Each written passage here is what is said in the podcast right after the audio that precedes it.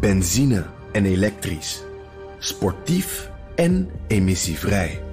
In een Audi plug-in hybride vindt u het allemaal. Ervaar de A6, Q5, Q7 en Q8 standaard met quattro vierwielaandrijving. Wat u ook zoekt, u vindt het in een Audi. Audi.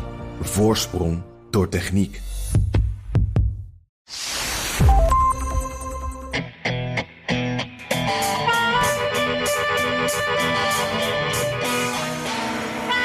Grimmig, griezelig, gewelddadig. Demonstraties in Portland en Kenosha groeiden uit tot, ja, wat eigenlijk? Rassenrellen, harde confrontaties of gaat dit al richting een burgeroorlog? Nou, dat laatste is misschien wel de meest gehoorde vraag uh, die wij krijgen. En daar gaan we het dus over hebben. Dit is aflevering 39 van de Amerika-podcast op de radio... en natuurlijk veel uitgebreider via je favoriete podcast-app. Mijn naam is Jan Posma met een kop koffie. Gezellig achter mijn keukentafel in Washington, D.C. En ik ben Bernard Hammelburg vanuit het Amsterdamse filiaal van Studio Hammelburg... met voor mijn neus een fles water van een Belgisch merk. Ja, Jan. Netjes hoor. Ja, de conventies zijn afgelopen, Jan. Maar ik zit nog steeds midden in de nacht met vierkante ogen te kijken. Nu helemaal natuurlijk niet meer naar die conventies. Maar naar die doodenge rellen in Wisconsin en Oregon. Ja, ja, precies. Dat zijn uh, hele, hele donkere beelden die we daar vandaan uh, krijgen. Daar, daar gaan we het ook uh, uitvoerig over hebben. en natuurlijk nog over de manifestatie hier in Washington. Ter herinnering aan die beroemde mars op Washington... onder leiding van Martin Luther King in 63. Met ja, misschien wel de beroemdste toespraak uit de moderne Amerikaanse geschiedenis. I have a dream that one day this nation will rise up and live out the true meaning of its creed. We hold these truths to be self-evident that all men are created equal. Als we kijken naar uh, wat er in Wisconsin en Oregon gebeurt, is die droom van Martin Luther King eigenlijk verre van vervuld, Jan. Uh, zullen we eerst naar Portland kijken in Oregon? Uh, en ik, we, we moeten natuurlijk ook hebben over Kenosha in, in Wisconsin. Mm -hmm. Maar eerst maar even Portland. Waarom? Omdat daar eigenlijk sinds de dood van George Floyd, hè, die, die, die, die door een agent in zijn nek werd doodgedrukt, ruim drie maanden geleden, het geen seconde meer rustig is geweest. Eigenlijk continu rellen. Ja, ja, precies. En dat is al echt meer dan 90 dagen zo. Uh, het begon met ja, eigenlijk een beetje wat je in heel het land zag. Hè? Die solidariteitsdemonstraties, zeg ik maar even. Maar in, Portland uh, liepen die uit, het, uit de hand. Dat gebeurde natuurlijk ook op meer plekken. Maar in Portland waren plunderingen, er was geweld. Er werd zelfs een, een, autonome zone uitgeroepen op een bepaald moment. Trump die stuurde federale troepen. leidde tot meer en heftigere rellen. En ja, ik, ik dacht dag 93, dag 94 dat we nu zitten van onrust in Portland. En, en nu voor de derde week. Elk, elk weekend zie je dat dan gebeuren. Een karavaan van 600 pick-up trucks. Met uh, bewapende Trump-aanhangers. Uh, met bier en. Uh, en schiet, uh, weet het, wapens, maar ook, maar ook... Bier en bullets. Bier en bullets, ja. Ook wel met uh, verfgeweren. Ik had dat nog nooit gezien, maar oké. Okay. En die, ja. die zoeken de confrontatie met Black Lives Matters... en uh, de groepen die aan die kant staan. Wie, wie zijn deze, deze mensen in die pick-up trucks?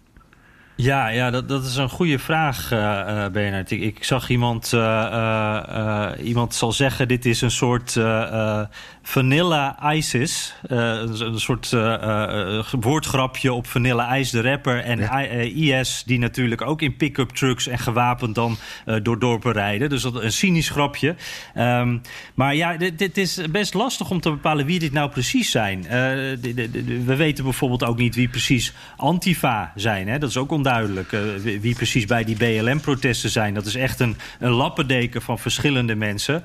En, en hier dus aan, aan de rechterkant, zeg ik maar even, is het ook onduidelijk. We zagen natuurlijk al die Trump-vlaggen. Dat is duidelijk. Maar uh, we weten ook dat er mensen van de, de Boogaloo-beweging uh, bij zitten. Dat is een extreemrechtse groep op geweld gericht. er zitten QAnon-types bij het ook al vaker over gehad, hè? die complotdenkers. Die, die, logo's die zie je overal. En uh, ja, dat, dat slachtoffer dat gevallen is in Portland, uh, uh, ja, dat is waarschijnlijk een lid van Patriot Prayer. En dat is ook weer zo'n groep, zo'n zo zo'n ja, rechtse groep. heel erg voor een vrijheid van meningsuiting, voor een kleinere overheid. Dus die conservatieve hoe kan je wel zeggen. ja, we weten niet zeker of hij van die groep is, maar dat is in ieder geval zijn insigne gezien dat hij droeg. Dus dat soort types lopen ja. daar allemaal rond. En, de, de, en deze, ja, deze groep over zegt van zichzelf: ja, wij zijn inderdaad um, rechts. En uh, we voldoen aan een heleboel. Um, nou ja, uh, ik zou maar zeggen, kwalificaties die we naar ons hoofd geslingerd krijgen. Maar we, zijn, we hebben, willen niets te maken hebben met de witte suprema, uh, suprematie. Daar willen we niet, daar, daar, ja, daar distancieren ja. wij ons volledig van. Dat vinden wij ook tuig. Dus dat vond ik wel interessant. Ja. Ja, precies. En zo zie je dus al die kleinere clubjes die, die dan uh, daar samenkomen. En, en ja, daar is ook allerlei overlap. Dat loopt in elkaar over. Dat is best wel onduidelijk. Ik, ik denk eigenlijk de gemene deler, als je, als je ziet van, nou ja, uh, Portland, dat is echt een nederzetting van, van links. Ja, ik gebruik toch maar even antifa-achtige types. Ik vind het een vervelende term antifa, omdat het eigenlijk een paraplu-term is die, die eigenlijk ook niet zoveel betekent. als je naar antifa wil bellen, hè, dan daar is geen telefoonnummer. Maar uh, het is een beetje fanatiek links uh, bolwerk. En als je daar dan met Trump-vlaggen inrijdt... Uh, je gebruikt, je noemt al paintballkogels, pepperspray... ja, dan ben je zelf dus ook gewoon heel fanatiek... en ben je ook wel uit op rotzooi. Dat, dat is de gemene deler. Ja. Um, ja. Toch, denk ik... Ja, ja, ja. En, en ik, ik hoorde net iemand op televisie... Trump de conspiracist in chief noemen... Dat wat ik een prachtige uitdrukking vind. Dus iemand die op een enorme manier in complotten gelooft. Maar hij is, hij is een, een supporter van deze ja, patriotten. Hè? Ja, ja, hij noemt het ook de, inderdaad patriotten. En, en uh, hij zegt dan ook nog, ja, de paintball-kogels, uh, dat zijn geen echte kogels. Dat telt niet. Verf is, is geen wapen. nou ja, het is wel heel vervelend als je door paintball-kogels wordt, ja, wordt geraakt. En, en het is ook behoorlijk agressief natuurlijk. en ook bijvoorbeeld over Kyle Rittenhouse. Dat is die 17-jarige jongen die twee demonstranten neerschoot. Daar zei Trump het volgende over. He was trying to get away from them. I guess, it looks like. And he fell, and then they very violently attacked him. And it was something that we're looking at right now, and it's under investigation. But uh, I guess he was in very big trouble. He would have been. I, he probably would have been killed. But it's under. It's under investigation. En ja, Trump die wil dat eigenlijk uh, wil die jongen niet veroordelen. Die zegt van ja, dit is nog onder de rechter. Dat moeten we allemaal nog maar zien. En ja, dat sluit wel een beetje aan ook bij wat je uh, in, in de rechtse media, Fox News bijvoorbeeld, hoort. Uh, nou, dit is een jongen. Die, die, die, dit is eigenlijk een soort held. Hij doet in ieder geval wat. en het is logisch dat hij dit heeft gedaan. Het was sowieso zelfverdediging. En zijn advocaat was op Fox en die zei van... Uh, ja, uitzonderlijk dat een 17-jarige jongen dat kan. Uh, dus ja, dit is dus iemand die twee mensen heeft doodgeschoten. En ja, het wordt eigenlijk een beetje goed gepraat, ja. Bernard. toch wel een beetje angstjaar. Heel, heel, heel, ja, dat vind ik ook. Dat is heel verontrustend. En zeker als, als de politiek dat doet. Als, als, laten we zeggen, als demonstranten een kant kiezen, dan snap je dat. Want het, maar als de politiek ook, ook die kanten gaan kiezen, vind ik doodeng. Um, team Trump gaat geweldig tekeer. Dat is de andere kant misschien van het verhaal. Tegen dat uh, Antifa, dus wat een afkorting is van antifascisten. Hè? Uh, mm-hmm. Linkstuig, georganiseerde oproep. Allemaal één grote democratische opzet. Uh, en zei hij, het gebeurt alleen in democratische steden. Het komt door democratische gouverneurs. En dan komt stevast dat verkiezingsthema law and order. Hij heeft dat ontdekt en omarmd. En hij heeft het er elke dag nu over. Werkt het, Jan? Werkt dat thema? Ja, ja, hij heeft het een beetje herontdekt, inderdaad. En ik, ik heb het gevoel dat het werkt. Ja, hij, hij zegt eigenlijk tegen uh, welgestelde, ook, ook blanke Amerikanen in die buitenwijken. Uh, die mensen die achter van die mooie wit geverfde hekjes wonen. Uh, jullie veilige leventje is eigenlijk over. Of, of, wordt bedreigd als Biden aan de macht komt. Nou, je kan het denk ik zelfs nog een stapje verder brengen. Heeft Trump uh, niet zelfs belang bij die rellen. En, en Kellyanne Conway, die, die adviseur is van Trump in het Witte Huis, die zegt ja, ja dit, dit, dit werkt in Trumps voordeel gewoon. Ja. En uh, dat is ook belangrijk om even uh, vast te stellen: de, de steun voor Black Lives Matter brokkelt af. Je had na de moord op Floyd Ehm, iets heel, wat wij toen ook heel bijzonder vonden. Dus je had een, een, zwart protest. Maar er kwam al heel spoedig steun bij uit witte kring. Dus je zag in die demonstraties heel veel, ja, alle kleuren eigenlijk door elkaar. Die protesteren. Maar ik lees aan alle kanten dat die steun, ik zou maar zeggen, de witte steun voor Black Lives Matter, dat die aan het verdampen is. Um, En um, misschien iets daar, dat daarmee samenhangt. Ja, en dan komen we op Kenosha, dat, dat, dat, dat, dat, die andere nou ja, bron van ellende op dit moment. Daar zijn ook rellen vanwege het neerschieten van een zwarte man door de politie. En nou krijg ik mailtjes, echt waar, van mensen die zeggen: jullie, dat, dat zijn jij en ik dan kennelijk. Um, of jullie journalisten, of nou ja. Jullie nemen het op voor een misdadiger.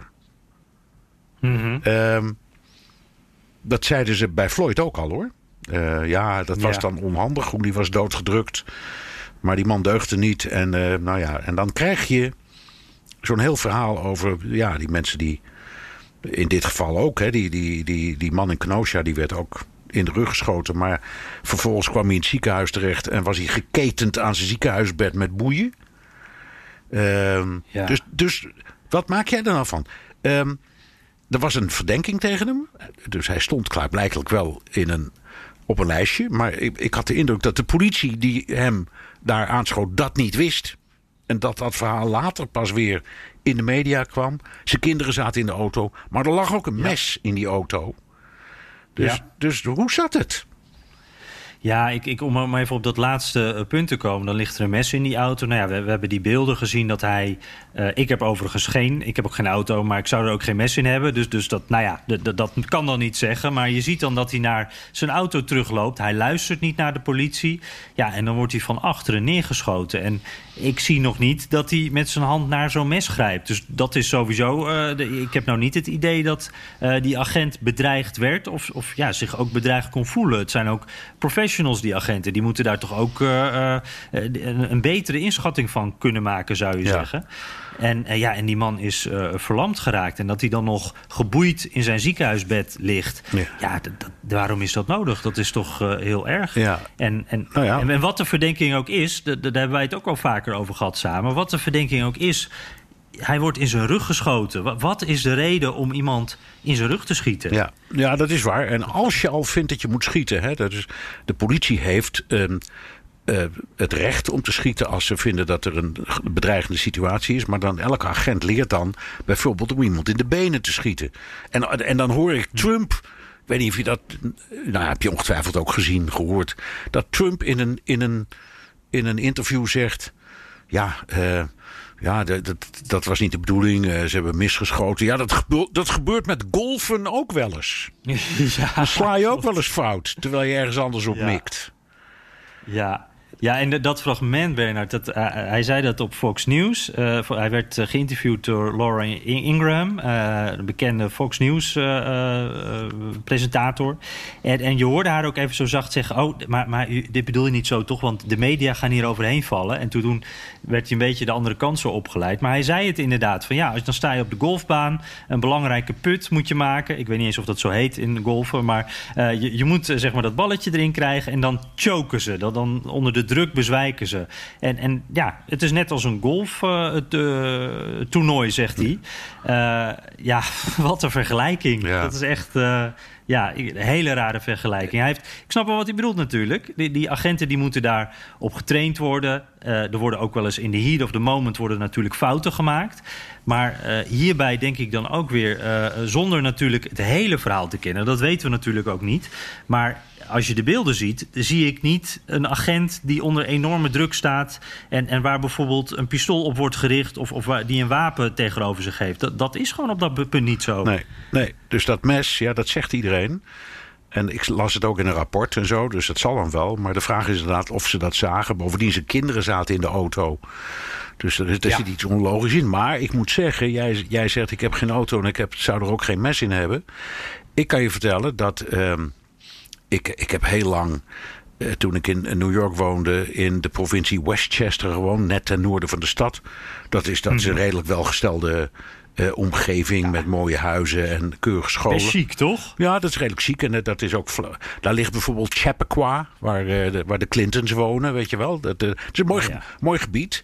Ehm, maar daar hadden heel veel mensen. eh, ook in mijn persoonlijke kring, die hadden wel een honkbalknuppel in de auto liggen. Ja. En sommigen ook een wapen als ze daar een vergunning voor hadden. Maar in elk geval een honkbalknuppel. En vaak zichtbaar. Ja. Eh, en dat Ja. is echt net zo erg als een mes. Eh, en de bedoeling daarvan was duidelijk. Als ik, als ik word overvallen of lastig word gevallen, ehm, dan zal ik niet eh, aarzelen om, de, om die honkbalknuppel te gebruiken. Nou, als je daar een klap mee krijgt, is het ook gepiept hoor. Ja, ja, ja dat doe je, die heb je niet bij je omdat je zo van die sport houdt. Nee, precies. Dus, dus nou ja, het, het, ik blijf zeggen, ik, ik vind de politie ja, wordt op een hele andere manier gezien en ook getraind dan bijvoorbeeld in, eh, bij ons.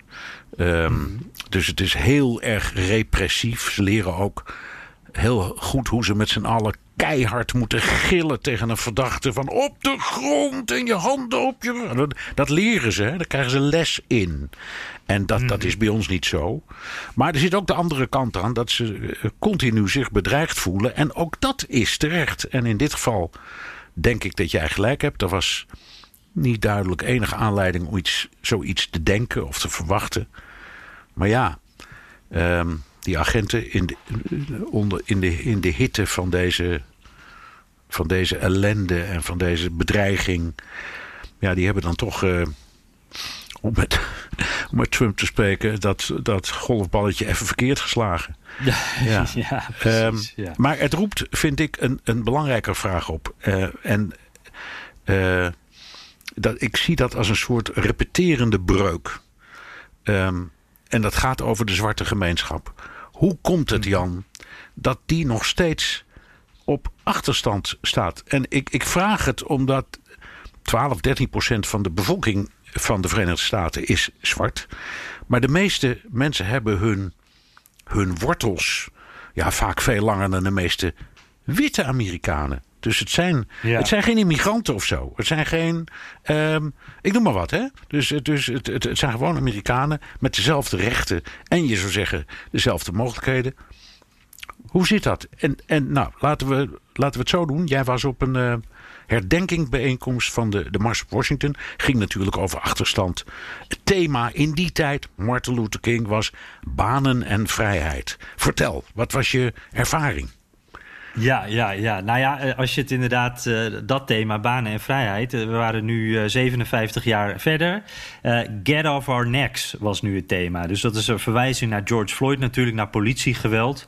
Eh, het stond daar helemaal vol bij Lincoln Memorial. Dus het, het de- deed echt denken aan die andere bijeenkomst waar Martin Luther King eh, sprak.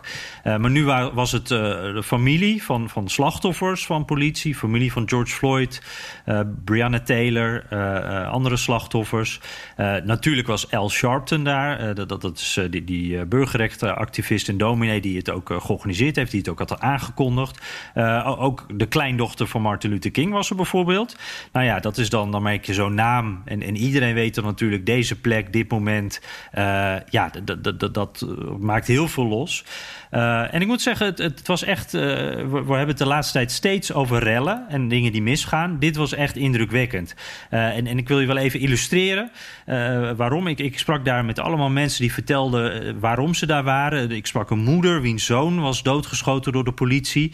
En nou, dat was een heel heftig verhaal. En toen ik dat toen wat ging uitzoeken, zag ik ook weer wat een web van onduidelijke omstandigheden zoiets oplevert. Zij had een beeld, de politie heeft een compleet ander beeld.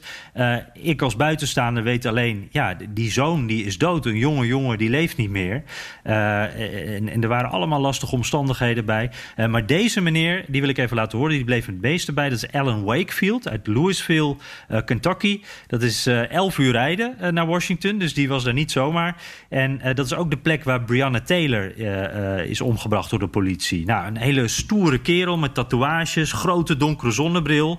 Eh, liet een foto zien van zijn zoontje van twee. En hij zei van, nou ja, daarom ben ik hier. En, en, ik wil dat mijn zoon ook zonder angst de straat op kan. Eh, De talk, hebben we het ook wel eens over gehad. Hè? Van, van dat gesprek wat een, ja, elke zwarte ouder met, met zijn kind heeft als ze een jaar of twaalf zijn, of misschien nog wel wat jonger, van wat moet je doen als de politie op je afkomt. Ik wil dat niet. Ik wil niet dat mijn zoon dat door moet maken. Dus nou ja, en het was die historische plek, dat zei ik al, en dat voelde deze meneer ook zo. nou, achter die zwarte zonnebril gebeurde toen wel wat. It's really emotional to actually be here as a black man doing this again. And I actually get to walk it instead of watching it on TV or someone's Facebook Live. It's a total different feeling when you are actually in the presence of what is going on. It's a total different feeling. It's like I get overwhelmed talking about it because you don't see this. You don't see black people unifying together. And it took for us to lose so many young black men and black women for us to have to do this again. Yeah. We lost a lot of people in our history due to lynching. They changed it from lynching to murdering us. So to actually be here and in this environment, it kind of gives you a little hope for change. Ja, en dan is de vraag natuurlijk, eh, verandert er dan wat op zo'n moment? Hè? De, de, de, de, mensen waren echt uh, gepakt door het moment daar. Uh, het was een gevoel van eenheid, wat, wat Alan Wakefield ook hier uitlegt. Maar ja, is dit nou zo historisch als die speech van Martin Luther King was? Of, of wordt dit gewoon een speech waar we ja, misschien wel nooit meer aan terug... of een dag waar we nooit meer aan terugdenken... omdat het niet zoveel veranderd heeft? Ja, wat, hoe sta jij nou, daarin? Ik, ik, ik, ben benieuwd, hoe, hoeveel mensen waren het ongeveer die daar bij elkaar waren? Oeh, dat is een goede vraag. Dat was nog best wel lastige, want het ging op een bepaald moment om... Uh, ja, het was een heel lastig in te schatten namelijk. Het stond helemaal... Uh, nou, je kent Lincoln Memorial en die reflecting pool, hè, dat water. Waar, uh, daar stonden allemaal mensen omheen en ook erin. Het stond echt helemaal vol tot aan het Tweede Wereldoorlog monument. Ja, media hadden het over tienduizenden mensen... Uh, het was voor mij onmogelijk in te schatten. Ja, nee, dat is helemaal vol. Dat is ook, maar in ieder geval, het was een grote menigte. En het was misschien, ja, ja. Het was misschien niet zo uh, groot en indrukwekkend als destijds in 1963. Uh, met de, de mars uh, op Washington van Martin Luther King en consorten. Maar ik, ik, ik vraag het omdat, ehm, je had het over sfeer. Die, de, de, het, wat wat die, die, die mars op Washington kenmerkte, was um, hoe geciviliseerd um, en gedisciplineerd dat allemaal was. Dat hadden ze zich ook voorgenomen. voelde je uh, daar te midden van al die mensen en ook praten, pratend met, met meneer Wakefield en anderen, ook iets van die discipline um, en ik zou maar zeggen, die doelgerichtheid van toen. Ja, ja, dat is een hele goede. Ik zat die beelden van Martin Luther King terug te kijken natuurlijk. En dan, dan zie je wel dat dat andere tijden zijn. En mensen luisteren, zijn stil op het moment dat de dominee spreekt. Dat was nu natuurlijk niet zo. Dat, is gewoon heel anders. Maar ik merkte wel, hier waren veel... Uh, hier waren ouders, hier waren ouderen. Dit waren gezinnen. Uh, ik heb ook wel eens uh, s'nachts hier tussen de rellen gestaan. Dat zijn echt heel andere mensen die dan aan het rellen zijn. Dit waren mensen die allemaal een verhaal hadden in hun familie. En inderdaad inderdaad allemaal wel die focus hadden van vandaag moet een dag van eenheid worden. Uh, vandaag moet een dag worden waarop we ja, naar de toekomst kunnen kijken en dat we dus iets kunnen veranderen. Dus wel dat dat grotere doel, dat zat er echt wel, echt wel duidelijk in hoor. Ja. Dat, uh, ja, dat viel me wel echt op. En, en had het een politieke kleur? Ging het over Trump en Biden bijvoorbeeld of helemaal niet? Ja, nee, dat is grappig. Dat is een goede vraag inderdaad. Want ik zag namelijk uh, die dag voor het eerst zag ik uh, uh, Biden-Harris t-shirts. En ik zag zelfs iemand op een fiets met de vlag achter zich aan. En dat had ik nog niet eerder gezien. Dus dat, op dat punt ja. En ook nou, die, meneer Wakefield die vertelde mij van... ja, dat stemmen, dat wordt het eerste moment dat wij verandering kunnen brengen. Dus dat was zeker voor hem. en dat hoorde ik ook wel bij meer mensen hoor. En het was ook wat Al Sharpton bijvoorbeeld ook zei van november dat is het moment, dan moeten we veranderen. Dus die politieke kant die zat er ook in. Ja, ja want dat was bij, bij Martin Luther King eigenlijk niet zo, hoewel dat wel zo was. Want dat was destijds, maar daar komen we nog wel over te spreken. Uh, maar dat was natuurlijk wel degelijk politiek bedoeld. Maar daar, die, die bleven helemaal weg van zelfs de suggestie van namen, kandidaten, presidenten. Dat vond ik destijds ja, wat, wat ik mij er zelf van herinnerde, zo ongelooflijk indrukwekkend. Dat, dat, en bovendien, weet je wat ik het grootste verschil vond? Ze waren toen allemaal zo netjes gekleed. Ze hadden allemaal, allemaal een kostuum en stropdas en nette jurken. En het, ze waren zo keurig allemaal. Ja, ja, andere tijden. Toen mensen nog netjes gekleed gingen en, en eh, dingen nog apolitiek konden zijn, Ja. eh, tot op zekere hoogte. Jan, de, de oorspronkelijke mars was een enorm succes destijds hè, met Martin Luther King. De hele wereld lag in katzwijm. Dat is echt zo. De- er was Ja, was dat toen meteen ook al zo? Ja, dat was, meteen, echt al- meteen die impact? Ja, dat had meteen al impact. Er was natuurlijk toen eh, in Amerika was al televisie in, in, in West-Europa ook wel een beetje, maar dat werd toen al Mhm. uitgezonden. Het was in de bioscoopjournalen. Het was echt, nou ja, wat je, wat je zou zeggen, de talk of the town toen al. Ja. En het was ook wel bijzonder, want het was in 1963. Een jaar later, in 1964, lukte het Lyndon Johnson, de president, om de wet op de burgerrechten door het congres te krijgen. Ehm, en dat was eigenlijk officieel het eind van de Amerikaanse apartheid. Een, een magistraal stuk eh, eh, werk van eh, Johnson als zuideling, als democraat. Dat waren toen de mensen die juist helemaal niks voelden voor, zeg, voor de desegregatie. Dus het was heel bijzonder. Het thema van de mars toen was banen en vrijheid. Je zei nu, dat is eh, eigenlijk, dat was dit keer anders. Maar even over die banen. Over die, je kunt zeggen, de vrijheid is eigenlijk wel gelukt. Hè? Want eh, het, het is, er is nog een heel veel mis in die zwarte gemeenschappen. Met de zwarte gemeenschap. Maar de, de burgerrechten, die hebben ze. Maar met die banen Ja. helemaal niet. Dat is helemaal niet gelukt. Hoe komt dat, Jan?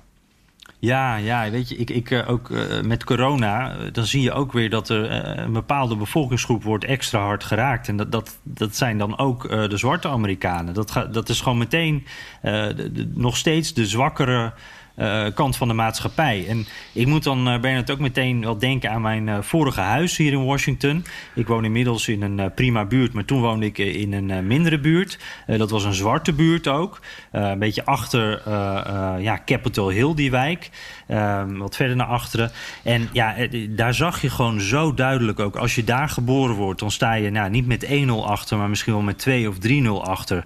Ehm, daar, eh, het is echt raar. Het is een soort grens eh, van, een, een brede weg... waar aan de ene kant de boel al gegentrificeerd is... en waar heel veel blanke Amerikanen wonen. En aan de andere kant, daar woonden wij dan toen op dat moment ook net... en daar begint eh, Zwart-Amerika. En daar is iedereen arm... Daar is veel drugsgebruik. dat merk je op straat. Mensen die, die compleet van de wereld zijn. en daar dan in een bushokje liggen. Daar is geweld. Er waren heel veel schietpartijen. Eh, dat is ook de reden dat we daar weg zijn gegaan. Het was echt een gevaarlijke buurt. Waren op een bepaald moment eh, liepen we daar. En toen eh, was er heel veel politie. En toen bleek dat dus tijdens een anti-geweldsprotest... waar ook politieagenten waren... was van een van de politieagenten zijn pistool gestolen. Nou ja, toen was het natuurlijk helemaal mis. En de hele avond helikopters en, en gedoe. Nou ja, in ieder geval. maar je hebt daar ook veel slechtere scholen. De werkloosheid ligt daar veel hoger. Het is eigenlijk gewoon vanaf geboorte af aan. Je wordt daar geboren. eh, eigenlijk daarvoor ook al. Eh, je, je, je- de, de, babysterfte ligt hoger. Eh, daarna ga je naar slechtere scholen. Je krijgt een minder goede opleiding dus. Geen goed voorbeeld in, in, in je gezin of, of in de omgeving. Het is gewoon heel moeilijk om daaruit te Ja. komen. Het is echt een groep die vastzit. Zeker. Southeast, hè, was dat, neem ik aan, waar jij woonde. Eh, ja, dit was Noord. Oh, dat is Noordeast, nog erger. Ja, en maar het, rare, het bizarre is, wat je zegt, achter het kapitool. Maar het is letterlijk waar. Als je eh, op, op het kapitool staat, op die, die heuvel waar dat ligt... dan sta je in het centrum van de macht in de wereld. Dat is misschien het machtigste instituut dat er is. Want dat controleert de president. Hoger kun je niet komen. En je kunt met je ogen, je kijkt die buurt in waar jij dan woonde... en daar ligt die grens dan. Dat is, dat is zo bizar, omdat... Ja. Zo pal op elkaar. Eh, maar goed, we moeten er eerlijk over zijn. Eh, Dat, dat ben je trouwens ook. hoor. Maar je zegt het is daar inderdaad mis. Die mensen die op het moment dat ze geboren worden, is het, is het al mis. Maar goed, je kunt ook zeggen, een derde van het aantal eh, gevangenen in Amerika is, is zwart. Ehm, al, je hebt heel veel kinderen met kinderen. Jo- Ja. Hele jonge meisjes die al zwanger raken en, en dan kinderen krijgen. Ehm, en het wonderlijke hadden we net ook al over. Het zijn geen immigranten. Kijk, we, we, we kennen in Europa dit soort problemen ook. Maar dat, dat- dat zijn dan in het algemeen toch de, de migrantenbuurten waar dat gebeurt. Maar zwarte Amerikanen zijn Amerikanen. Die zijn zo Amerikaans als het Ja. maar kan. Ja. Die zijn zo ja. Amerikaans als het maar kan. En dat is voor mij het raadsel. Hoe kun je na zoveel decennia, eigenlijk na zoveel eeuwen, vechten om, uh, nou ja, om, om kansen, om verbetering. Waarom lukt het ze niet? Dat, ik begrijp niet ja. waarom dat. Echt, na al die jaren begrijp ik dat nog steeds niet. Nee, ik, ik deel dat met je. Ik, ik, heb, ik heb twee dingen die ik dan een beetje als een soort van theorie daarin heb. Um, de, de, de eerste is gewoon wel, ja, dat, dat is racisme. Uh, als je kijkt, uh, zwarte Amerikanen, uh, die, die, komen natuurlijk, die, die, dragen eigenlijk de last van, van, de geschiedenis van het hele land op hun rug. Hè? met slavernij en, en de, daarna die civil rights beweging, waar, waar zo lang gevochten moet worden om gelijk te zijn. ja, als je als Aziat of als Latino het land binnenkomt, dan kan je ook gediscrimineerd worden. Maar je bent niet ooit een slaaf geweest nee, die, nee, nee. tien stappen dat, onder. Dat is allemaal waar. Maar als, als, als Latino ja, behalve als je uit Puerto Rico komt. Maar alle andere Latino's komen als immigrant. Dus die moeten wat bewijzen. Die moeten zich omhoog vechten. Je hebt ook um, heel veel zwarte Amerikanen die uit, laten we zeggen, andere delen komen. Caribisch gebied of wat dan ook. Die het ook vaak heel goed doen. Uh, en ook vaak snel banen vinden of met heel weinig tevreden zijn en zich omhoog werken. Maar de, mm -hmm. de, de, de, ik zal maar zeggen, de oer-Amerikaanse zwarten, die hebben het het moeilijkst. En je zegt racisme. Dat kan zo zijn. Er zijn ook heel veel mensen die mij aanspreken. Die zeggen, ja maar je moet ook naar hunzelf kijken. Hun eigen opvoeding thuis.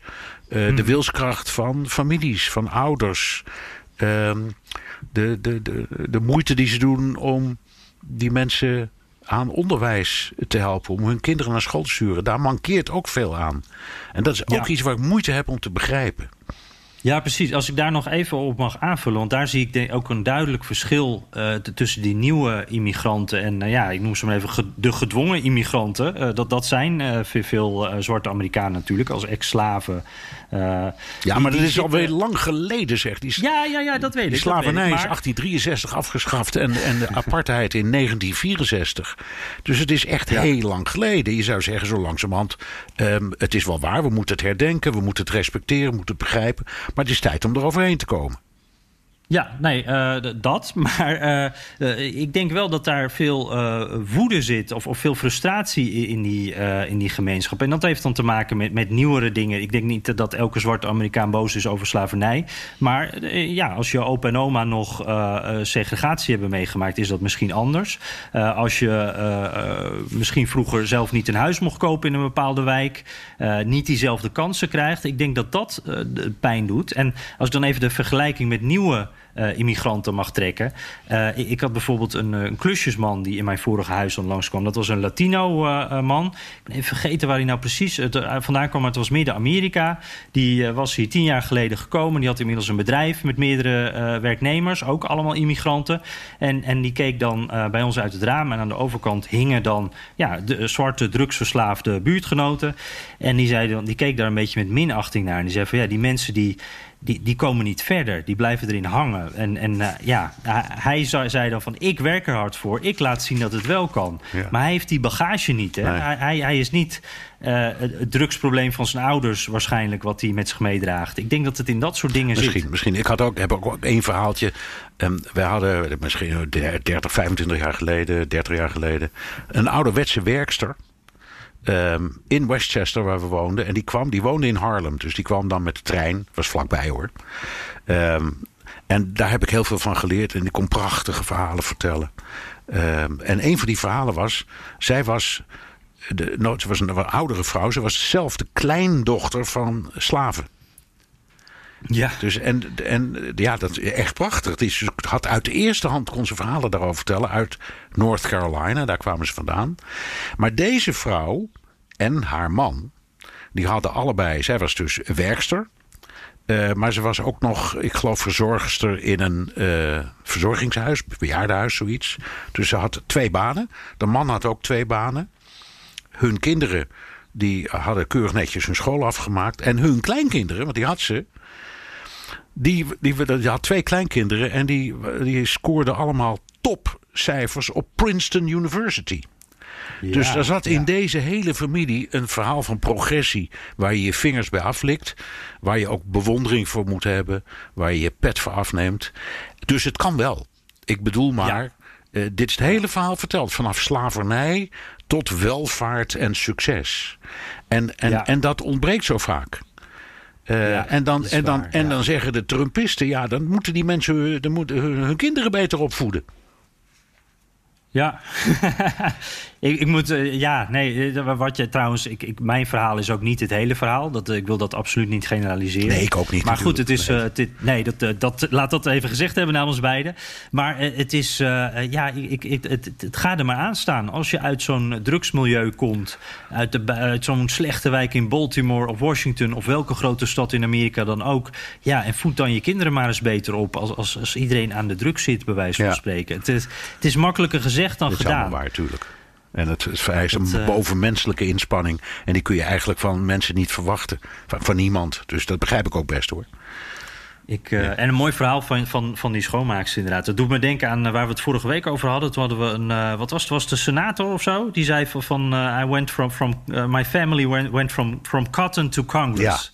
Het, eh, die- Die mooie verhalen zijn er ook. Nou, hey, eh, we hadden ook nog eh, trouwens, eh, ik vergeet het bijna, een paar luisteraarsvragen. Een beetje over dit ander, onderwerp ook. Ik heb ze even een beetje zo samengevoegd. Jeroen Bakker. ehm, die zegt, ik mail over die vraag van een meneer met een groentetuin uit Japan. nou, die kennen we nog, hè Bernard? Daar komen we zo ook nog wel even op terug. Ja. Dat ging over politiegeweld. Volgens mij ging Bernard daar iets te kort door de bocht. Er zijn meer blanke dan zwarte Amerikanen. Er worden relatief veel zwarte Amerikanen door agenten doodgeschoten. Vervolgens concludeert Bernard dat de kwestie van het politiegeweld wel degelijk iets is. Dat laatste tussen aanhalingstekens. Het is zo dat zwarte Amerikanen relatief gezien vaker een misdrijf plegen dan blanke Amerikanen. In die, in die zin is het niet verwonderlijk dat zij ook relatief vaak met politiegeweld in aanraking komen. Het is een complex vraagstuk, eh, zegt hij eh, dan ook nog een keer Jeroen. En eh, dan ga ik meteen even door naar Gert-Jan Timmerman uit Apeldoorn. En die zegt, volgens mij zouden we een andere statistiek moeten gebruiken. Namelijk het aantal zwarte Amerikanen die betrokken is bij moorden en gewapende criminaliteit. Eh, zo wordt 52% eh, procent van de moorden en 38% van de violent crime door zwarte Amerikanen eh, gepleegd. En hij zegt van ja, het is eigenlijk dus ook logisch dat zwarte Amerikanen dus zelf ook vaker met geweld te maken krijgen. Ja. Zo. Ja, nee, maar dat zijn, ik, het, zijn, het zijn goede opmerkingen. Ze zijn allebei waar. Laten we daarmee beginnen. En nogmaals, de, de, het is ook belangrijk vast te stellen: 12% van de Amerikaanse bevolking is zwart. Dus die statistiek Ja. is verontrustend. Eh, en het is allemaal waar. Ehm, en eerst even over die, die opmerking over eh, de politie.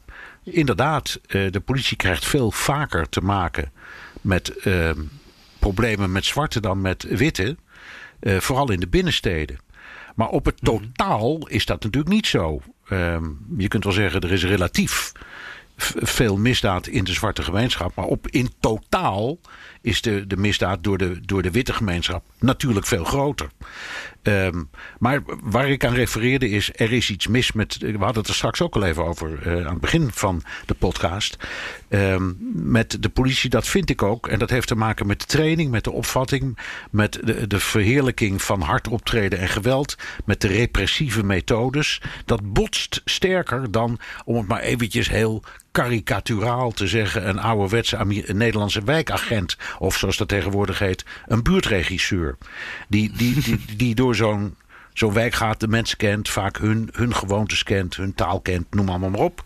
En in Amerika is het ongeveer het harde tegendeel.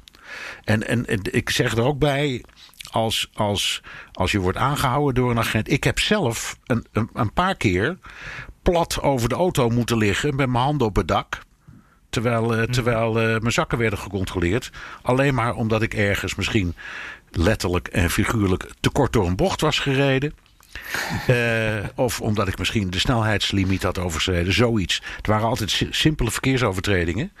En, Ik vind het mooi hoe je misschien zegt. Dat je toch een beetje van nou, nee, nee, reed nee, ik wel precies. echt Nee, maar het is echt gebeurd. Eh, ja, ja, het is, ja. en het ergste was in Florida. Daar is het me een aantal keer gebeurd. Daar ben ik op een bepaald moment achteraan gegaan. Heb het uitgezocht. En toen bleek, daar heb ik destijds ook grote verhalen over gemaakt. Dat de, de, de, de, de politie in Florida werkt op commissie. Ah. Dus hoe meer bonnen ze uitschrijven en hoe meer arrestaties ze kunnen verrichten, en gaan ze maar door, hoe, hoe hoger hun salaris. Zo simpel is het. En, en ik ben geen zwarte Amerikaan, ik ben een, een, een witte Nederlander. Dus eh, dat, dat neemt het vooroordeel ook weg. En daarom zeg ik, er is iets mis met de politie. Ik hou dat vast. Ja, Ja, ja en, en, nou ja, en, en Gert-Jan met zijn statistieken, ja, die heeft voorkomen gelijk. Dat is zo. Ja. ja. Ja, er, zit daar nog ook wel een kanttekening aan. Die, statistieken, hè, uh, wat komt daar vandoor? Daar, daar zit ook wel iets, uh, iets moeilijks in. die zwarte Amerikanen, dat, dat zijn vaak ook de mensen die minder een stem hebben. Hè? Ik sprak hier een gemeenteraadslid in, in, die, in die oude buurt van mij. En die zei van ja, als in een slechte buurt wat gebeurt, niemand klaagt. mensen denken, die willen dat ook niet. Mensen willen niet naar de politie staan, stappen om te klagen. Of uh, uh, weet je, als je bent opgepakt, dan ga je daarna niet zoals jij hebt gedaan uh, op onderzoek uit. en als in de goede buurt nou ja, ook maar een stopbord moet komen, dan, dan staat iedereen klaar. Dan staat de politie ook klaar. Dus daar zit wel duidelijke verschil in. Ja. En in die politiestatistieken, daar zit vaak ook een vrijwillige factor in. Dat die agenten niet, die politiebureaus zijn niet verplicht om alles te melden. Dus we weten ook nog niet alles. Dat, uh, dat, dat, is ook nog wel een kanttekening erbij. Dat, ja. Oké, nou goed. De cijfers zijn niet altijd de cijfers. Nee, helemaal waar. Jan, er is... En, en nog, uh, ja? sorry, nog één dingetje. Want we, dat hebben we net dus uitgelegd ook. Dat, dat er meer geweld wordt gepleegd en dat er meer misdaden onder die zwarte Amerikanen. Dat zou heel goed zo kunnen. Uh, maar dat, daar, dat heeft natuurlijk ook met veel bredere factoren te maken die we net omschreven hebben. Dat ligt dan niet alleen aan uh, politie, maar ook gewoon hele positie in de maatschappij. Maar goed. Nee, dat... dat is. Oh ja, en nog één. Trouwens, ja, ik vergeet nog, Bernard. We hadden een berichtje uit Japan. Ja, vertel. Die, ja, David uh, Brouwer, eh, de, de, eigenlijk de aanleiding dat we nu dus uh, hierover praten ook. Die uh, bedankt ons nog even voor de uitleg vorige keer. Dat was, die man, dat was met zijn tuintje, die in zijn tuintje in Japan naar onze podcast luistert. precies, precies. En nu ook, dus denk ik. Dus David, groetjes en succes daar in de tuin. En hij zegt, Jan, ik heb niet alleen Hollandse aardappels in mijn moestuin, maar ook boerenkool. Maar sorry Bernard, geen bonsai. Nee. Dus, nou, dan, dan is hij nog geen echte Japanner, zullen we maar zeggen. Nee, precies precies, Oké, Jan. Geen enkele president is erin geslaagd om het probleem echt aan te pakken hè, van die zwarte Amerikaan. Ik, naar mijn idee was John, Lyndon Johnson de laatste. De laatste die het echt heeft mhm. geprobeerd. Uh, met, de, met de wet op de burgerrechten en allerlei andere. Uh, en je krijgt later de Voting Rights Act. Uh, dus, dus, ja. dus extra steun aan minderheden om te kunnen gaan stemmen. Um, en daar, die moet elke zoveel jaar uh, verlengd. Er is altijd gedoe over. Maar in geval, dat, dat was een revolutionair. En ik denk eerlijk gezegd, een rare man natuurlijk. Uh, misschien, een, misschien een gek met zijn, met zijn Vietnamoorlog en al zijn leugens. Maar tegelijkertijd ook de laatste echte linkse president die Amerika heeft gehad. Trump. En dat uit het zuiden. Ja, ja, Trump die draait het helemaal om. En die zegt, praat met zijn fans mee. En uh, die zegt, wat we nodig hebben is helemaal geen begrip, maar law and order. Ja, ja. ja, eigenlijk dus wat ik denk dat Trump... Trump is een populist natuurlijk. En Trump die zegt eigenlijk niet van... Uh, uh, we, we, gaan, uh, we gaan mensen helpen... of we gaan een probleem zeg maar een beetje met de zachte hand... en met een buurtregisseur... waar ze hier natuurlijk om zouden lachen in Amerika. Dat gaan we niet doen. ik ga juist... de, de, de, jullie, ga ik, mijn kiezers, ga ik juist beschermen. Ja. Dat is eigenlijk wat hij ja. doet. Toch? Ja, en, en werkt het? Ja, ja, oh ja, ja nee, dat, dat, dat, ja, ik denk dat dat, eh, dat, dat werkt. Uh, ik, ik, heb, ik heb eventjes naar de peilingen gekeken. Ik moet wel zeggen, hè, die, die conventies zijn nog niet helemaal doorgerekend in, in die peilingen. Dus, dus het is een beetje onduidelijk nog allemaal. Maar wat we vorige week al zeiden, Biden, die, die, dat kalft een klein beetje af. Trump stijgt een beetje. De approval ratings gaan ook omhoog. ik heb echt wel het gevoel nog steeds, er is een heel kleine beweging die, die wel al een paar weken aan het doorzetten is. En die is in het voordeel van Trump. Ja. Um, dat zie je duidelijk. Er is, ik, ik, ik las ook een, uh, nou, een republikeinse peiling, zal ik maar zeggen. Uh, en daarin stond dat Trump zelfs voorlag. Maar goed, dat, die, die, die ah. kwestie heb je, dat heb jij wel eens uitgelegd. Het hangt er een beetje vanaf, vanaf naar wie je kijkt. Um, maar wat mij ook opviel, uh, dat die peiling zei, ja, uh, Biden ligt nog steeds voor. Maar, de, maar als je vraagt aan een, een andere vraag stelt, niet voor wie ben je, maar wie denk je dat er gaat winnen, dan staat Trump voor. Ja, en dat vond ik ook. Ik, maar Dat snap ik wel. Dat is wel opvallend, maar dat snap ik wel. Want als ik, uh, we hadden het vorige week ook over, als je door uh, Pennsylvania rijdt, overal Trump-vlaggen. De, de, die, die bootparades die de Trump-campagne steeds, uh, waar ze zo lekker over opscheppen. Het zijn, we lachen er wat om, maar je ziet dus constant super enthousiaste Trump-supporters. en Biden-supporters, nou ja, ik vertelde je over die fietser met zijn vlag. Dat zijn er niet heel veel hoor. Nee. Dus dat, ik denk dat dat wel een, dat, dat, dat, dat gevoel wel in de hand speelt. Ja, en, maar ik ben zo benieuwd, ja, dat begrijp maar wat zit er nou achter? Want uh, je, je kunt zeggen, mensen hebben ontzettend. Ze zijn boos op Trump vanwege corona. Uh, want dat, dat, nou ja, hij roept: ik, ik, ik, ik doe er wat aan en er gebeurt niks. Ehm, hij had valse beloftes over een wondermiddel. een vaccin dat bijna af is. De economie die weer grandioos gaat. Ehm, en de mensen weten dat en die zijn er boos om. En tegelijkertijd denk ik dat ze in hun buik denken dat is allemaal waar. Maar de vraag is wie lost het op? Ja, en dan, en dan heb je liever een lefgozer dan een vage ideoloog of zo. Ja, ja en dat, dat is Biden eigenlijk nog niet eens. Hè? Dat is eigenlijk meer een beetje ook een opportunist, toch? Dat is een beetje een politicus die gewoon een beetje zijn weg uh, ja, zoekt met, met uh, ook zijn eigen carrière een beetje in gedachten. Ja, oké. Dus uh, dan, Trump heeft dat authentieke. Ja. Waar is Biden, Jan? Ja. ja, dit is de vraag die we ons al zo vaak hebben gesteld. Hè? Nou, hey, ik heb hem in ieder geval, uh, jij hebt hem ook gehoord. Uh, hij heeft één keer duidelijk uh, zich laten horen deze week. Trump and Pence are running on this, and I find it fascinating. Quote, you won't be safe in Joe Biden's America. And what's their proof? The violence we're seeing in Donald Trump's America. These are not images of some imagined Joe Biden America in the future. These are images of Donald Trump's America today. Ja, dit is het antwoord wat Biden geeft. Het, ik moet zeggen, het was wel weer, uh, weer uh, na die conventiespeech was dit ook alweer, vond ik best een overtuigende speech uh, van Biden. Als het om toon gaat en ook die boodschap kwam al goed over. En, en ja, we, we, hebben het net al over de boodschap van de Republikeinen gehad, Bernard. Nou, Biden die heeft als boodschap wat nu verkeerd gaat in Amerika. Ja, dat is Trumps Amerika. Dit is de verantwoordelijkheid van de president die daar nu zit. Ja. Uh, Heeft een punt. Ja, Oké. Okay. Jan, ja. Uh, je had het al over luisteraarsvragen. Uh, we, hebben er, we hebben er nog meer. We gaan even de enveloppen eraf. De, post, de postzegel gaan we even met stoom losweken. en, en, dan breng ik ze naar de buurjongen die die postzegels verzamelt. Vertel, wat ja, hebben we? Ja. Ja, ja, ja, ja. Even kijken. Nou, we hebben eerst een Belgische postzegel. Dat is toch altijd leuk. Uh, René Katerberg, uit België dus. Um, hij zegt van ja, het gaat weer om de zwevende kiezer natuurlijk. Uh, hij heeft een heel mooi verhaal erbij. Ik vat het even samen. Hij vraagt zich eigenlijk af, uh, ten eerste, wie is de zwevende kiezer en hoe haal je die over? Hè, is dat toch die Joe Sixpack waar we het eerder over hadden? Of is de zwevende kiezer hier ook iemand anders? En hij zegt er nog, ja, de Democraten zeggen dat anderen liegen en beloven eigenlijk iets wat er nu nog niet is. Hè, die beloven verbetering. De Republikeinen zeggen uh, wij spreken de waarheid en uh, uh, voorkom dat er iets van je wordt afgepakt. Nou, dat is eigenlijk een hele goede samenvatting. Maar ja, wie spreekt die zwevende kiezer? Wie dat dan ook is, wie, wie spreekt dat beter ja, aan? Ik vind het een steengoede vraag, want er zijn schattingen over hoe groot is nou het percentage aan zwevende kiezers. He, je, je, ja. We weten heel precies wie op republikeinse kandidaten gaan stemmen. En we weten heel precies wie op democratische kandidaten gaan stellen. Dat staat vast. En dan gaat het over dat gebied van die swing states. Waar het de ene en de andere kant op kan gaan. Ook daar, in die swing states, staat de afloop al bijna vast. Dus het gaat om betrekkelijk kleine percentages in maar een paar staten. En um, ik, ik hoorde vorige week iemand zeggen dat is waarschijnlijk niet meer dan 10 tot 15 procent. Nou is dat in verkiezingen een hoop hoor. Maar mm-hmm. dat is dan, en daar zitten ze allemaal in. Daar zit Joe Sixpack in voor een stukje. Daar zitten ook die beroemde mensen uit de, uit de voorsteden. Die, die vorige keer voor een deel op Trump hebben gestemd. Omdat ze de pest in hadden over Hillary. De vraag is, wat doen die nu? Denken die ook, ja, het gaat toch echt om de economie, dus vooruit, we doen het maar weer met hem. Of denken ze, kom op zeg, uh, dit land heeft zijn fatsoen verloren en ik woon ook in een fatsoenlijke buurt, dus ik stem fatsoenlijk. Dit is de ja. vraag waar het om gaat. Ik heb geen idee.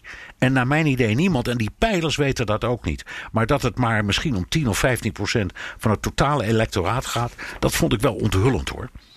Ja, precies. En ik begrijp ook dat die groep echt zwevende kiezers... die wordt steeds kleiner eigenlijk. Hè? Heel veel mensen zit, het zit bij heel veel mensen al in cement gegoten. Ja, maar dat is ook zo. Naar een verkiezing toe zijn natuurlijk ook steeds mensen die zeggen... nou, ik ben er wel uit wat ik ga stemmen. Dus dat begrijp ik ook wel.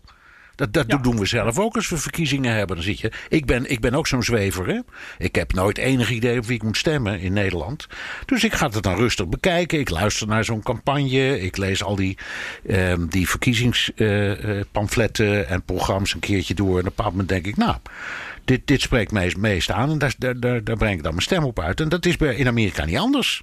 Je hebt alleen minder partijen, dus het is overzichtelijker. Maar dat mensen, naarmate de verkiezingsdatum nadert hun keuze al hebben bepaald, dat begrijp ik. Er zijn bovendien al mensen die nu stemmen. Hè? Dus in het buitenland, soldaten, absentee voters, noem het allemaal maar op. Dus het circus is al begonnen. Zeker. Over dat circus en uh, verkiezingsnacht ook gesproken. Roy van Lierop, uh, mits COVID-19 het toelaat, corona, wil ik naar Amerika afreizen om daar de dag van de verkiezingen bij te wonen. Hij is leraar maatschappijleer in opleiding. Dit lijkt me een uiterst geschikte ervaring om in de klas over te vertellen. Maar welke uh, plek kan ik dan het beste opzoeken? Uh, ik twijfel over New York en Washington DC, maar andere aanrijders zijn meer dan welkom. Jan, ik, ja, ik, la, ik laat het ja. los, los van de vraag dat ik hoop dat hij kan reizen. Hè, want Precies, de, de ja. kans dat dat gaat lukken is heel gering. Um, En um, nou ja, ik, kom er, ik, ik, ik ga natuurlijk samen met jou die, die verkiezingen verslaan. Uh, maar ik ben in, ingezeten, dus voor mij is het anders. Maar als je als toerist uh, gaat, wat hij waarschijnlijk zou doen. Ja, ik, ik, ik, ik vrees dat het niet lukt. Maar als het lukt, dan mag jij zeggen waar hij heen moet, Jan. Jij hebt er, ja. jij hebt er verstand van.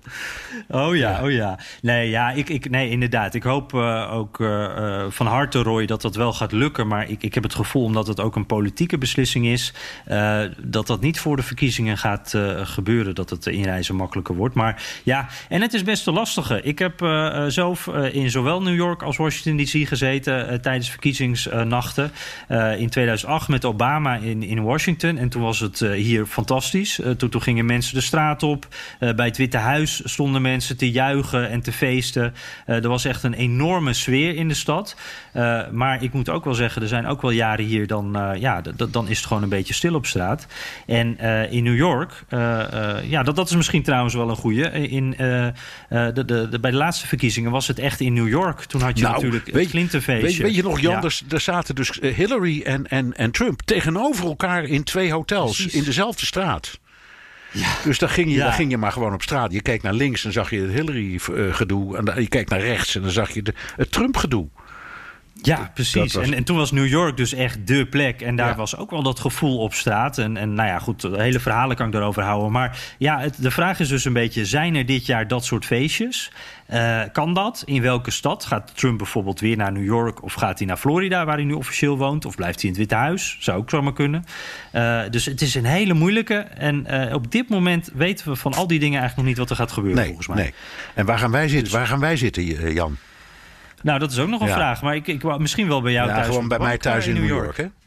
Toch? Dat is een goed plekje. Ja, en prima verbindingen. En, uh, Daarom. Ja, zo is het. Hey, uh, Roy, in ieder geval uh, succes. Ik, wat we zeiden, we hopen van harte dat het in ieder geval gaat lukken. Um, berichtje van Iris Bernhard. Uh, die zegt: uh, Hoi Bernhard en Jan.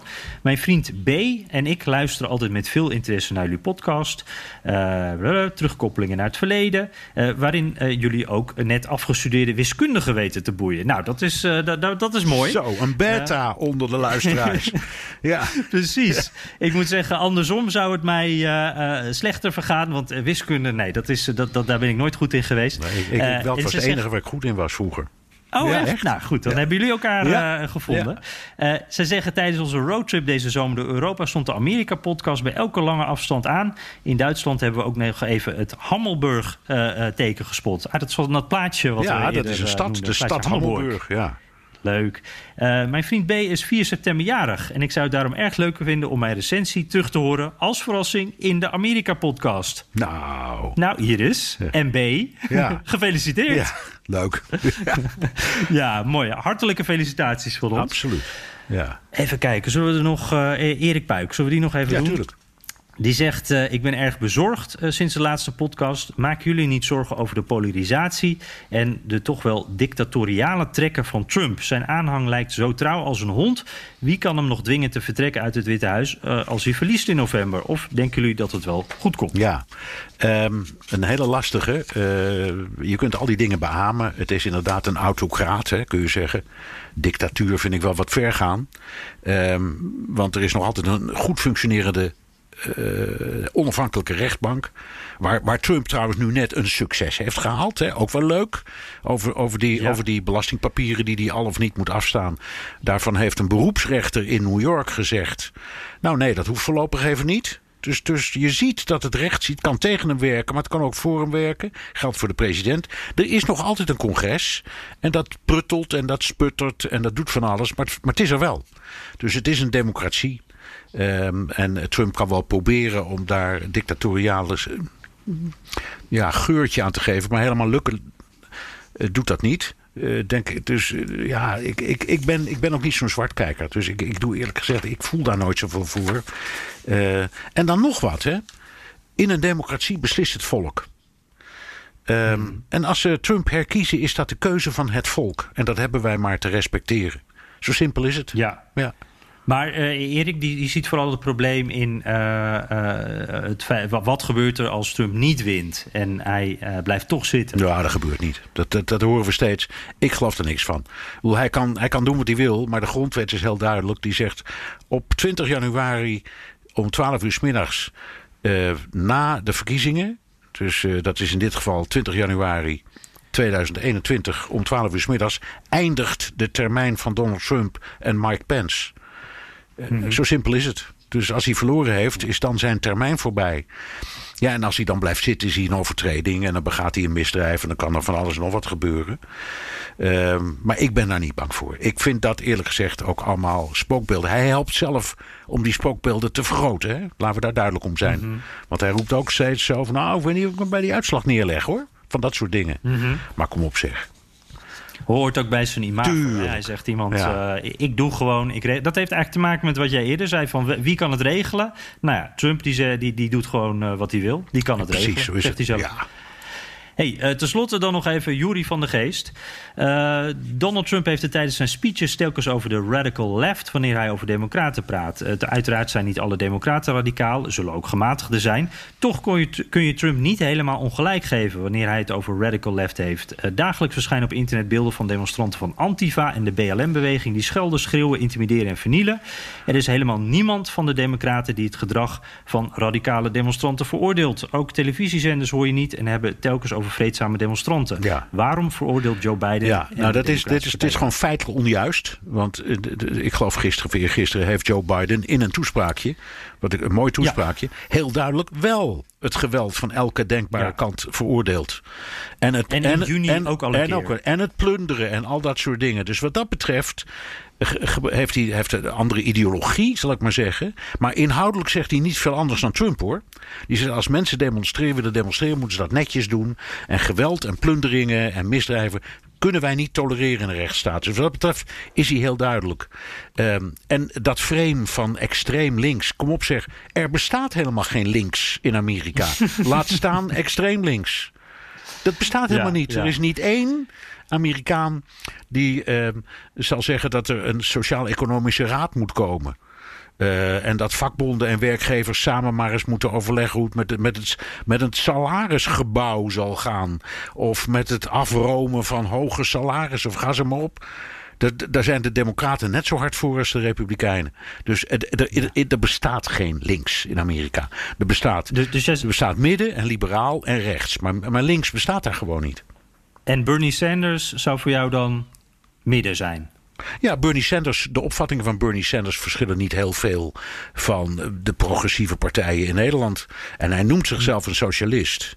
Maar kijk, de definitie van socialisme is toch dat zoveel mogelijk productiemiddelen eigendom zijn van de staat. En van dat soort dingen. Hè? En, dat, en dat het bedrijfsleven eigenlijk weinig of minder eh, macht heeft. Nou, daar- wat dat betreft is Bernie helemaal geen. de- de- hij komt zelfs niet in de buurt. Dus klinkt, klinkt allemaal mooi. En hij heeft er, heeft er misschien wel eens een boekje over gelezen. Maar, de, de, maar eh, links, ik blijf dat behouden. Links in Amerika bestaat niet. Vandaar, vandaar, dat zij het ook. Ja. Dat ze, ze hebben het meestal over liberals.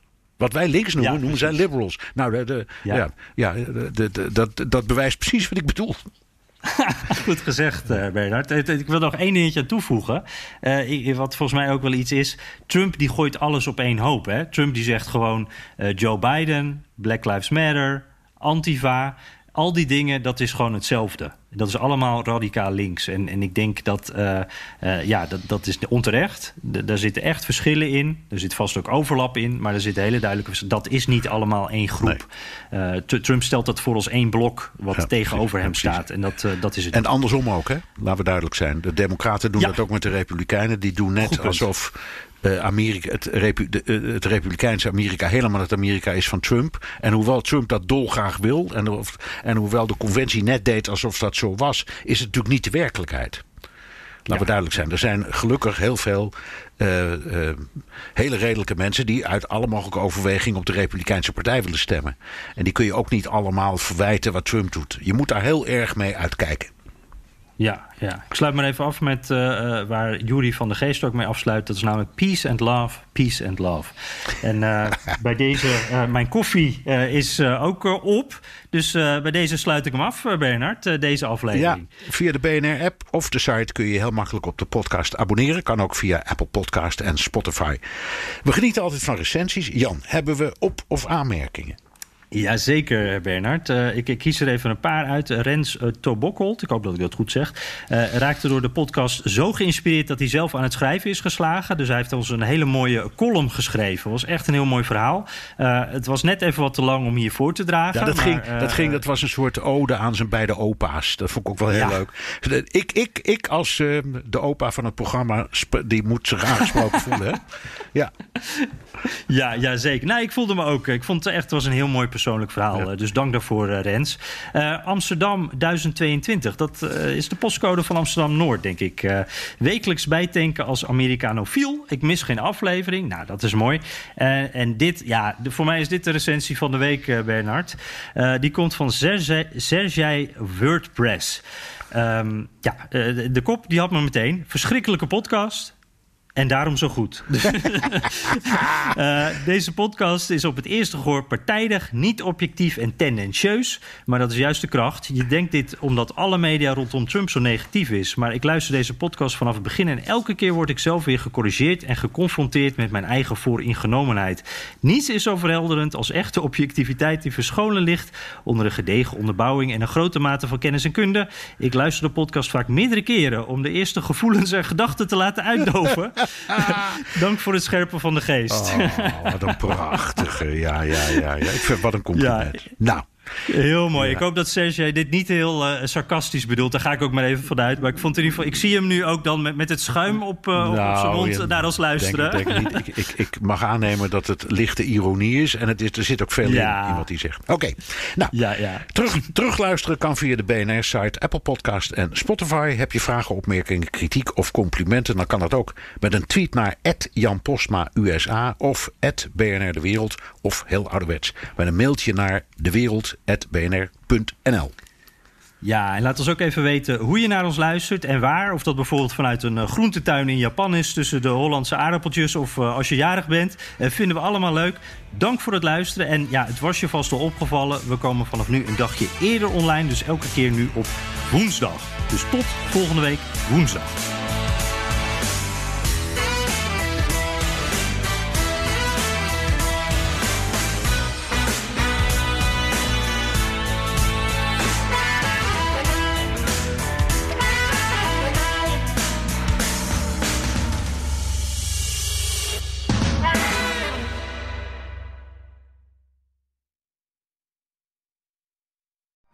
Benzine en elektrisch.